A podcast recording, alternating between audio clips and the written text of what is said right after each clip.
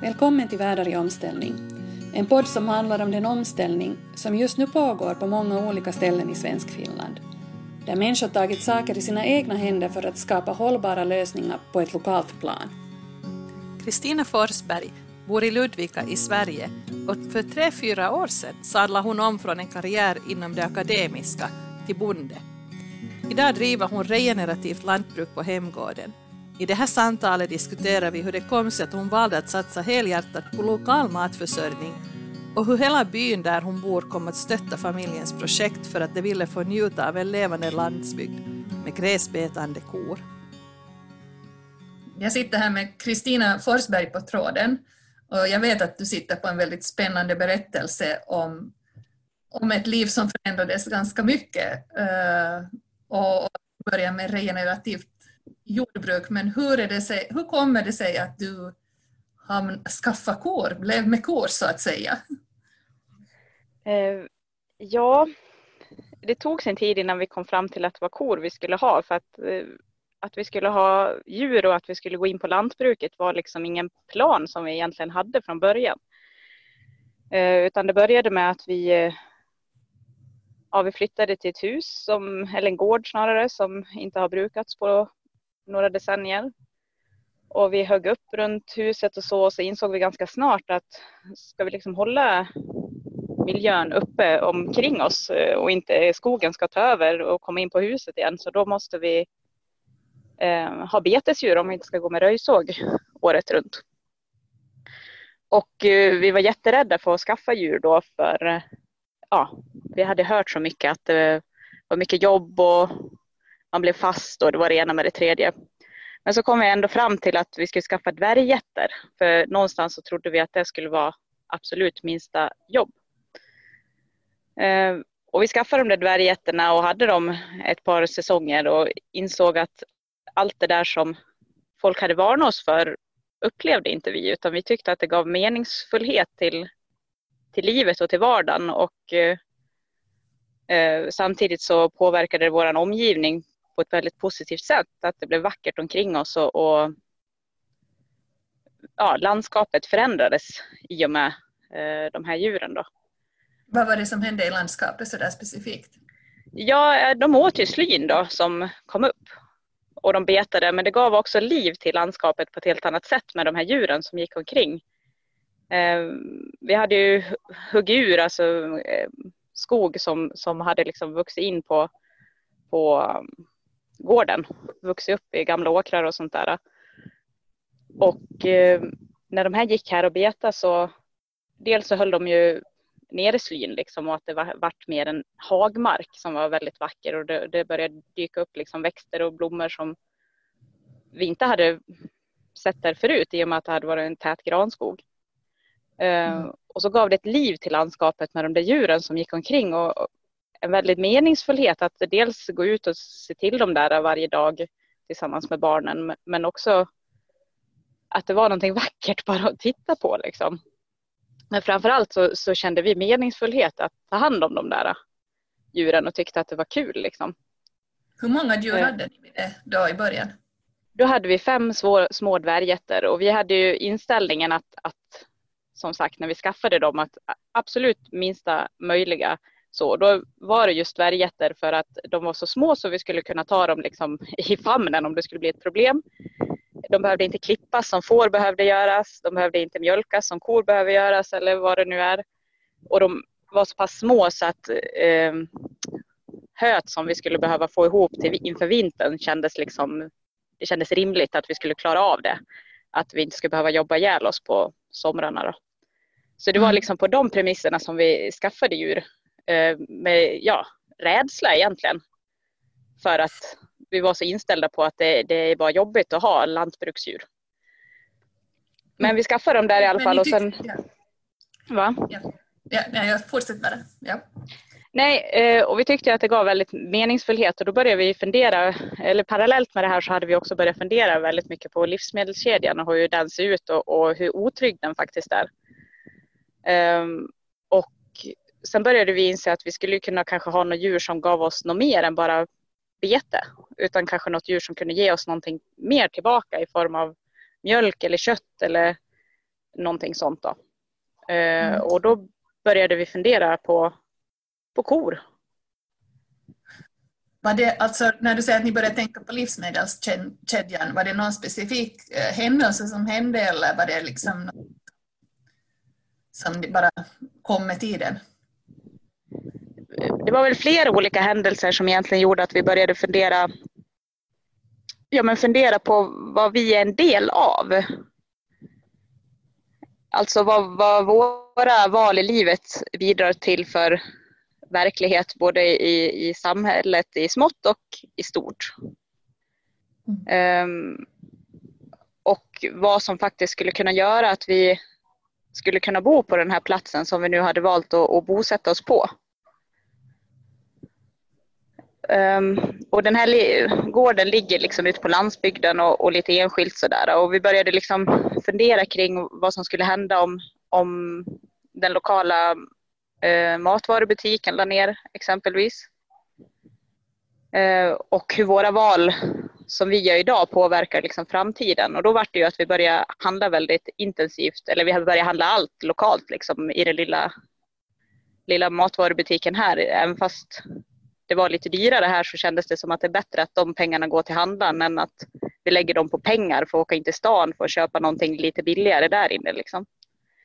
Mm. Men sen började vi fundera i ett steg längre och det var ju liksom vad är det som fyller hyllorna i den här matvarubutiken och hur kommer det hit och vad är det som gör att hela det här funkar liksom? Eh, och då vart vi väldigt medvetna om att det är ett väldigt skört system. Eh, där vi inte vet var maten kommer ifrån och vi vet inte vem som odlar den och vi vet inte vem vad alla mellanhänder, vart den har varit innan och så och hur maten har påverkat marken och människorna som bor omkring den marken i sin tur. Eh, det finns märkningar och sånt men det är fortfarande bara ett märke. Det kräver väldigt mycket energi och engagemang för att kunna sätta sig in liksom i vad de här märkena står för. Och sen kände vi någonstans att i slutändan så kan vi i alla fall inte veta att det är exakt så som man säger. Mm. Um, och det var väl mycket det som gjorde att ja, vi började fundera väldigt mycket kring det här med mat. För att mat behöver vi. Oavsett vad som skulle hända i världen så behöver vi mat. Det är liksom vårt grundläggande behov. Och det kändes lite läskigt att det här grundläggande behovet är så pass skört. Att vi hämtar mat från andra sidan världen och som är beroende av så många olika system där oljan är en del av det. Men också digitala system och el och transporter och allt möjligt. Eh, och det här ska liksom samverka och fungera för att vi ska ha våran mat. Mm. Men framförallt också att vi vet egentligen inte vi vet att, att en morot kräver samma jobb oavsett vart den odlas. Den, naturen har sina processer. Liksom. Eh, och vad är det som gör att eh, någonting som vi lika gärna kunde odla här, eller egentligen någonting som vi kan odla här är billigare även fast det har fraktats från ja, kanske andra sidan jordklotet och alla händer och alla transporter och allting som liksom ska bekostas på vägen dit. Men så är det ändå billigare än att jag skulle köpa det från grannen i princip. Och då mm. börjar man tänka på människan eh, som har lagt ner sin tid och sin själ och sin mark för att få fram den här grejen. Vad lever den för liv liksom? Eh, och vad är det vi bidrar till genom att handla det här? Och det var de här tankarna som ledde in ner på kospåret? Ja, lite, lite så. Att det kändes som att att skapa maten där vi bor så har vi en trygghet inför en framtid som vi inte vet hur, hur den ser ut. Um, för har vi själv ansvaret över att faktiskt framställa vår mat och vi har den kunskapen så kan det hända lite vad som helst. För att kan, klarar vi av att framställa mat i det landskapet som vi befinner oss i så ja, som sagt, det, det kan hända lite vad som helst. Klarar vi av att få mat så klarar vi oss rätt bra ändå. Men har vi varken den kunskapen eller det, eh, ja, de möjligheterna så då, då är vi väldigt sårbara faktiskt. Även fast vi med våran, som vi kallar det, höga standard ja, vi vill gärna inte tro att vi är så pass sårbara som vi är. Mm. Mm. Men, men hur, hur kom det sig då, alltså hur, hur stor gård har ni alltså? Hade ni utrymme för att ta in kor på bete där och, och hur, hur kommer det sig, hur, skaff, hur gjorde ni helt praktiskt för att få in kor på er gård? Ja, det var en liten händelse faktiskt. Jag sprang på en, en nere på ICA som, som hade hört att vi hade varit nyfikna på kor. Eller vi hade snarare varit hemma hos han, för han har kor. Eh, och bekant oss med djuren och sånt. För vi hade ju inga erfarenheter av sånt här innan. Liksom. Eh, och då hade vi varit hemma hos han för att ja, få bekanta oss med vad det är att ha kossor och liksom hur man behandlar dem och hur man bemöter dem. Liksom. Eh, och han kände någon som skulle göra sig av med ett par kor. Och eh, det tog några dagar, sen började vi slå upp en hage. Eh, och några veckor senare så var de där. Eh, och, så det vart lite impulsivt faktiskt. Ehm, men någonstans så hade vi i tanken tänkt på det väldigt mycket och vi har en skogsgård på ungefär 17 hektar eh, det mesta är skog men sen finns det några åkerlappar som har slagits. Eh, men det var väldigt länge sedan det var betande djur, möjligtvis någon häst någon gång sådär. Ehm, och det kändes som att ja, två kor, det ska vi väl det kanske var lite mer eh, foder som behövdes sen till de här getterna men det kändes ändå som att ja men nog ska vi kunna få ihop till två kor liksom. Eh, de kan beta i skogen och, och vi kan eh, kanske få låna någon annans lite åkerplätt och sånt där. Då. Men det som hände när vi, vi tog hem de här kossorna och, och började ha dem i byn, det var det att det väckte sånt engagemang från ja, i, de andra människorna i byn helt enkelt. Uh, och folk ringde och erbjöd att ja, men beta gärna här på min mark. Uh, och vi drog upp mer stängsel och mer stängsel. Uh, och ja, det väckte ett väldigt engagemang i byn. Det var fler än vi som hade längtat efter kor på markerna i landskapet. Så det ledde till att ni skaffade mera kor? Ja, det vart det. De här två individerna var inte riktigt vad vi hade tänkt oss eh, i hur de fungerade. Eh, så vi eh, införskaffade fem kviger från en annan gård och en annan typ av ras då, och tänkte att här ska vi bygga vidare och bygga en flock. Och det kommer ta sina år alltså med självrekrytering. Det, det, men vi kände ändå att det är den vägen vi, vi måste gå för att vi vill inte belåna oss på grund av det här och sitta i någon stor skuldfälla utan det handlar liksom om någonstans en längtan av att kunna göra mat från det landskap som vi hade omkring oss och och känna oss trygga liksom. Eh, och sätta djur på de här markerna som vi någonstans börjar se potentialen i. Alltså alla de här små, små markbitarna som bara växer igen och, och folk är bekymrade över att det växer igen. Och det är ju världens potential för att kunna göra mat. Liksom. Jättebra mat. Med hjälp av betesdjur. Men hade ni tid för det här alltså? Hur menar du då? Jag menar, det, går det inte tid åt att ha djur? Att, hade ni fulltidsjobb? Hur, hur, hur fick ni tiden att gå, gå ihop? Ja, alltså man får tiden att gå ihop. Vi frågade oss ganska... Det var mycket, många processer som hände i, i, i allt det här. Men vi hade kommit någonstans där vi började fråga oss liksom hur, hur vi ville leva vårt liv. Eh, jag och min man då, och våra barn. Eh, och någonstans så hade vi kommit till en insikt om att vi tyckte om liksom att vara där vi bor. Alltså vi har valt oss att bosätta på ett ställe för att vi tycker om att vara där och vi vill vara där. Och vi vill gärna jobba med, ja greja med saker egentligen där vi befann oss. Eh, och eh, då kände vi att det här var ju kanske någonting som passade oss. Vi, ingen av oss har liksom känt att vi har fått ut någonting, att man har åkt på semester någonstans, att man har åkt eh, till någon annan ort och man ska titta på några saker eller man ska göra några saker eller någonting sånt. Både jag och min man har liksom känt att det har inte tilltalat oss riktigt. Vi har inte fått ut någonting av det. Men att få jobba tillsammans på den plats som vi har valt att bosätta oss på eh, ger väldigt meningsfullhet för oss. Och på något sätt så blir det väl liksom den tiden som kvittas. Skulle vi hålla på med allt klassiskt med, med åka på semestrar och eh, plöja serier på Netflix och lite sådana saker, så då hade vi haft ont om tid. Men vi valde att lägga den tiden på djuren istället. Mm. Men, men äh, går jag händelserna i förväg, men du hade ju tidigare, du jobbade tidigare och du, du sa upp dig i något skede. Eh, ja, jag sa upp mig i ett skede.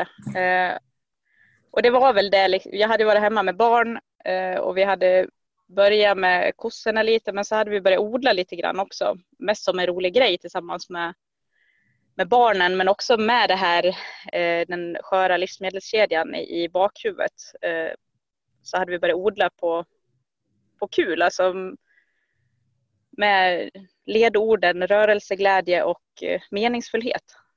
Eh, att det skulle vara någonting kul liksom att upptäcka och gräva och göra någonting tillsammans. Och eh, det där hade liksom rullat på så att det hade blivit, ja det varit en väldigt häftig grej att någonting roligt som vi gjorde tillsammans kunde ge oss mat.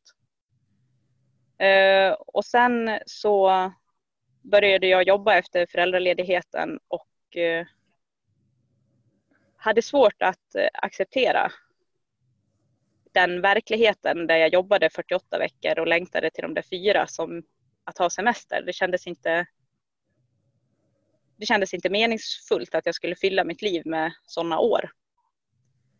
Och samtidigt så börjar vi fråga oss, ja men varför jobbar vi då? Och i slut, ja, man kan jobba för att man ska köpa ett nytt kök eller man ska ha fina kläder eller någonting sånt. Men någonstans i grunden så handlar det ju om att vi ska ha pengar för att kunna tillfredsställa våra mest grundläggande behov, alltså tak över huvudet, kläder på kroppen, men också mat. Och då föddes tanken någonstans att ja, men under den här barnledigheten så klarade vi av att odla fram mat. Vad skulle hända om en av oss hoppade över det här med att arbeta för att skaffa pengar för att kunna köpa mat, utan att man istället la tiden på att skapa sin egen mat på den platsen där vi befinner oss. Eh, och eh, det ledde till att eh, jag sa upp mig från mitt arbete för att vara hemma och lägga tiden helt enkelt på att tillgodose våra mest grundläggande behov i form av mat, tak över huvudet och kläder på kroppen egentligen. Men det var egentligen inte de här kossorna som gjorde att du behövde säga upp dig utan det var mer det att du, att du ville odla det var egentligen både och. Eh, det var både och. Var det att eh, det är så många processer som liksom pågår parallellt, både i tanken och, i praktiken och allting sånt. Men det var både odlandet och, och djuren. Eh, och någonstans kändes det som att vi behövde välja väg. Vi, visst, vi skulle kunna ha lite eh, vi skulle kunna jobba båda två och vi skulle kunna odla lite och kanske ha någon kossa sådär. Men någonstans så fanns också en längtan att hitta en meningsfull vardag och vi kände ju att när vi arbetade med djuren och när vi arbetade med jorden och maten liksom, så, så gav det en meningsfullhet som var bra mycket större än när jag satt på mitt jobb och, och eh, gjorde de sakerna som jag förväntades göra där. Mm. Men ja, hur många kor har ni idag? Eh, idag har vi ett 40-tal kor. Har vi. Eller kor, ja nötkreatur ska vi säga. Ja, hur länge sedan är det ni skaffade de första? Eh, nu ska vi se, det är det är nog fem år sedan. Okej, okay, så ni har... Så vi skaffade kossorna. Ja. Ah, okej. Okay. Men en grej jag funderar på det du sa att, att du sa upp dig för att kunna göra det som är meningsfullt. Men många går ju omkring och tänker på sånt att, att man ska spara för pensionsdagarna, man behöver spara åt barnen. Har, har du aldrig slagits av de tankarna att du behöver ha, ska, skaffa ett kapital för att också ge vidare eller också försäkra din egen framtid? Jo, alltså det har ju varit världens, alltså innan vi kom till beslutet men också när vi tog beslutet så var det jättemycket ångest kring det för att man är så inpräntad i att du måste pensionsspara, du måste spara till barnen och allting sånt. Men återigen så vart det liksom att vi frågade oss, ja men varför? Varför ska jag pensionsspara liksom? Och vad är det det syftar till? Eh, så. Och någonstans så syftar ju till att vi ska ha en, en trygghet när vi blir pensionärer då. Att vi ska ha pengar till att kunna ha någonstans att bo, kunna betala det och att, att kunna ha mat och allting sånt. Eh, och då, vi kände att det låter väldigt bra men, men vad finns det för trygghet i det egentligen? Vet vi att det ekonomiska systemet ser ut så som det gör nu om, eh, ja, om 50 år? Vet jag överhuvudtaget om jag lever till, att, till det jag blir pensionär? Det finns liksom inga garantier i det. Och då kände vi att, att det finns nästan en större, eller det finns en större trygghet i att vi investerar vår tid nu till att dels kunna framställa vår egen mat men också att bygga upp en, en gård och en omgivning som eh, ger mat och ha den kunskapen i händerna. Liksom. Mm. För, för det finns ingen garanti för att den där pensionen jag kanske dör innan jag kommer dit. Pensionsåldern kanske höjs så pass mycket eller vad det nu är för någonting. Vi kände liksom inte att vi kände trygghet i det ekonomiska systemet som, som fanns, men, eller som finns. Och samma sak för, för barnen, att, att det finaste vi kan ge, ge dem är kunskapen av hur du tillfredsställer dina egna mest basala behov med de resurser du har omkring dig vi vet inte alls hur världen ser ut om 40 år. Liksom. Och har jag jobbat hårt och knotat ihop en viss summa pengar så kanske inte den är någonting värd där i framtiden beroende på hur saker och ting utvecklas. Men kunskapen att kunna framställa mat eller mark som är eh, hur ska jag säga, bördig för att kunna skapa mat det, det känns som att det kan aldrig tappa i värde för att vi behöver jämt ha mat. Liksom. Mm. Men, men nu... Vi, men, ja. Jag säger det bara. Ja, så att. Nej, så att det var väl det som var vi resonerar mycket kring. Men sen var det också frågan, ja men hur vill vi ha det då när vi vill bli pensionärer? Eller när man kommer till den delen i livet. Och eh, så som vi spekulerar nu så, så har vi inget behov av att vi ska åka jorden runt eller någonting sånt. Så vi behöver inte ha jättemycket inkomster heller om vi lever ett liv som inte kräver stora utgifter. Men det där, alltså, ja, 40 kor, får ni dem att rymmas in på det 17 hektar fortfarande? Eh, nej, vi eh, använder andras marker. Eh, och eh, det är nog det mest fantastiska av allt för att det är ett år sedan nu så stod vi inför en möjlighet att ta över en större besättning. Och vi kände att eh, ja, med den mark vi har så är inte det möjligt. Så. Men vi pratade runt lite så och folk började prata om oss och vi började prata om att det hade ju varit roligt liksom och möjligheten att ta över. Och eh, helt plötsligt så började det ringa folk och sa ja men ni kan ta våra marker. Vi vill gärna att, att de här korna blir kvar och att eh, det sätts djur på våra marker. Liksom. Eh, och vi fick ett väldigt, väldigt fint stöd från människorna i omgivningen, i bygden här där vi bor. Eh, så att eh, den mesta marken som vi använder nu är någon annans, det är inte våran. Men ni, ehm. ni arrenderar då den marken eller? Ja, det gör vi. Just det. Och, just det. Men alltså det, och det var liksom er, er lokala by som ville ha korna där? Ja, bygden här där vi bor. De ville ha kor och de var väldigt positiva till vad vi hade för tankar och idéer. Vad, vad, ja, att sätta djur på, i det här landskapet. Och det hade ju börjat den här besättningen med att man hade satt Eh, det var en kommunal besättning som man eh, startade upp men sen lades det ner efter några år. Då. Eh, och människorna hade väl känt, det positiva med att få betesdjur i markerna igen. Och vi fick en väldig respons över att kunna fortsätta där. Så, så det känns egentligen som att ja, de här 40 korna, det är inte, de är inte bara våra för att det är lika mycket bygden som bor omkring oss. För vi hade aldrig kunnat göra det som vi gör idag om vi inte hade haft den uppbackningen av folket. Hjälper de till också med korna? Ja, på alla mest fantastiska sätt. Jag, har, ja, jag är så lyckligt lottad som har sådana människor omkring mig. Men eh, i, som nu, vi har haft kalvning här under våren och så fort det har hänt någonting i hagen så är det folk som har ringt liksom och berättat. Och är det någonting som händer så kommer liksom bara folk och, och frågar om jag behöver hjälp och är med. Och det är flera stycken som jag vet att jag kan bara ringa om det är någonting. Så det känns som att det, det är mina kor men, men omsorgen om dem är hela bygdens. Och det är helt fantastiskt att, att få känna det.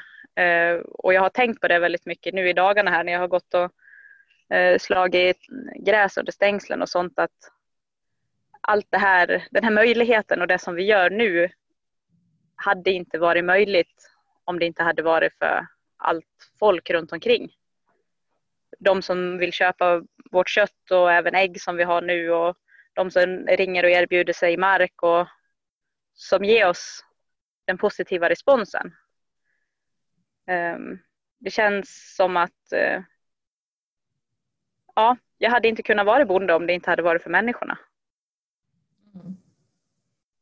Men var det, en by, alltså var det här då en, ett, ett område av by där var människorna från tidigare också samarbeta mycket varann eller, med varandra eller hittar ni varandra genom korna? Det vet jag inte. Jag är inflyttad här så att jag, jag har svårt att säga liksom hur saker och ting har varit förut. Men många av de här människorna har inte jag haft kontakt med innan vi satt ner korna på markerna utan jag har lärt känna så mycket människor via, via kossorna. Wow. Um, så, men jag tror säkert att det är det finns ju många bystugeföreningar och sånt så att nog finns det mentaliteten att man hjälper varandra och, och så men jag hade aldrig förväntat mig att det skulle bli sån, eh, Ehm, sånt engagemang och sån uppbackning för ett gäng kor. Egentligen är det ju mitt problem. Liksom. Det är vi som har valt det här och vi har skaffat de här korna och vi har våra drömmar och visioner. Men det känns någonstans som att vi delar det med människorna här. Man vill se betesdjur på markerna och man vill veta att köttet på min tallrik, var det kommer ifrån. Liksom. Eh, och att det hjälper till att skapa det landskapet och den närmiljön omkring oss alla. Att det fyller liksom så flera olika delar som är viktigt för människorna. Men ja, alltså var det så att de inte odlade någonting på de områdena då som de, de gav ifrån sig eller? Nej, många av de här markerna har ju bara slagits ner år, år efter år efter år för att man har inte velat att de ska växa igen då. Mm. Eh, så det, jag tror att det var det också att man såg att helt, helt plötsligt så fick marken en, en större funktion. Nu skulle det ju liksom bli mat till kossorna. Eh, och så har vi byggt beteshagar också så att vi betar ju också de här markerna. Mm. Men eh, mm. kan du också berätta, du sa med när ni skaffade getter så då, då ändrades hela liksom flor, floran och kanske faunan också men framförallt att det blev mera blommor och, och sådär. Har det hänt någonting liknande nu med korna? Ja, vi har haft en större flock än för kort tid för att jag ska kunna eh, konstatera något sånt. Det jag hör från de som skådar fåglar och sånt är att det är eh, stare, om jag inte missminner mig, har kommit tillbaka i markerna. Eh, som inte har funnits på några år. Och så, så det, det, är svårt att säga exakt, det har gått lite för kort tid för att kunna konstatera. Men eh, det människorna omkring oss säger är i alla fall att det börjar bli väldigt vackert. Eh, mm. Och det har ju inte egentligen med arter att göra men att man ser att det händer någonting i landskapet. Och de som bor omkring markerna vill gärna komma ut och prata och berätta liksom att ja, men jag, när jag tog kaffet idag och så satt jag mig ute på bron och då gick de där och beta och att det är liksom en upplevelse och men framförallt att de beskriver det som att det är liksom en pusselbit som är tillbaka i landskapet och man har liksom inte den har varit saknad men man har kanske inte förstått hur mycket. Mm. Mm. Men nu är det ju också sättet som du bedriver din verksamhet, så om du skulle lite berätta om det också. Alltså, eh, du följer Holistic Management-principer, vad betyder det? Ja, Holistic Management är eh, torrt beskrivet så är det ett ramverk för beslutsfattande i komplexa system. Eh, men det handlar egentligen om att man tar hänsyn till väldigt olika man tar hänsyn både till ekonomi och ekologi och, och det sociala liksom när vi tar beslut. Eh, och man tar hänsyn till vad det är för, för liv vi vill leva och vilka människor vi vill vara och, och vad vi vill, hur vi vill påverka den omgivning och i de sammanhang som vi befinner oss. Mm. Och vad betyder alltså då regenerativt jordbruk för dig? För mig är regenerativt jordbruk någonting uppbyggande och då pratar man ofta om att bygga matjord men för mig handlar det lika mycket om att bygga upp allt det här som vi som människor men kanske allt som varelser i den värld som vi lever i, att vi bygger upp de livsbetingelser, alltså jorden men också det sociala samspelet mellan, mellan oss. Vi, är, vi klarar oss inte helt själva utan vi, vi är beroende av varandra. Mm. Så det är, inte bara, det är inte bara matjorden utan det är allting runt omkring? Ja, för mig är det och att man tar hänsyn till hela det här nätverket som livet är. Det är liksom e-, e-, ett stort nät av olika krafter som samverkar och samspelar tillsammans och vi kan inte liksom vi vill gärna tro att vi kan förutspå och säga exakt hur saker och ting fungerar och så. Som människor så vill vi gärna göra det. Eh, men någonstans så kan vi inte det. Och i den ödmjukheten att vi är en del av ja, naturen och, och de krafterna som finns där eh, och behöver förhålla oss till det. Um, ja, nu tappar jag tråden lite grann. Ja, men hur är det alltså, men specifikt, liksom, hur, hur skiljer sig det sättet som du bedriver nu ditt lantbruk i jämförelse med hur man traditionellt driver ett, ett, ett lantbruk med kor? För du sa ju att du hade fått in kor när de betedde sig kanske inte som du hade förväntat dig, men, men alltså, vad, är, vad är skillnaden? Nu har inte jag erfarenheter från eh, land, ett annan, annan typ av lantbruk så, så att egentligen är jag fel människa att fråga. Men när vi tar beslut i vårt lantbruk så bygger det på hur vill vi att vår tillvaro och våra sammanhang ska se ut. Och för oss, om vi tar de här korna som exempel, så för oss har det varit viktigt att vi har att vår flock är lugn och att vi har kor som vi kan hantera och vara nära och att barnen kan vara med i den hanteringen. Och de här första korna vi, vi skaffade så kändes det inte tryggt. Vi kunde inte liksom, ja, de var nyckfulla helt enkelt. Så. De hade kanske ur ett ekonomiskt perspektiv varit mycket bättre. Um, om vi bara hade räknat siffror och kronor. Men eh, de eh, förde oss inte närmare så som vi har formulerat att vi ville ha lantbruket och, och vårt liv. Liksom. Och det är väl mycket beslut på så sätt som vi tar att, att det är inte bara att titta på siffror utan det handlar också om vilka värden det ger och vilka möjligheter eh, det ger till att leva det livet som vi vill ha. Våra kossor kanske skulle växa, växa snabbare om man gav dem spannmål men i slutändan så känns det som att det är klart att de ska växa men gräs har vi oändligt mycket av och vi tror också att kossan är gjord liksom för att äta gräs så att vi tror att det blir bra i slutändan ändå. Det här är ju jätte, jätte, jättespännande. Allt vad du har berättat tycker jag att det är wow. Eh, så värdefullt och värdefulla erfarenheter som du har. Um, jag tror att vi har snackat en god stund så jag, jag vill tacka tacka dig för den här pratstunden. Och... Tack själv. Du har lyssnat till ett avsnitt i Världar i omställning, en podd om alla de människor som söker hållbara livsformer på ett lokalt plan. Mitt namn är Maria Ernström Fuentes. Tack för att du tog dig tiden att lyssna.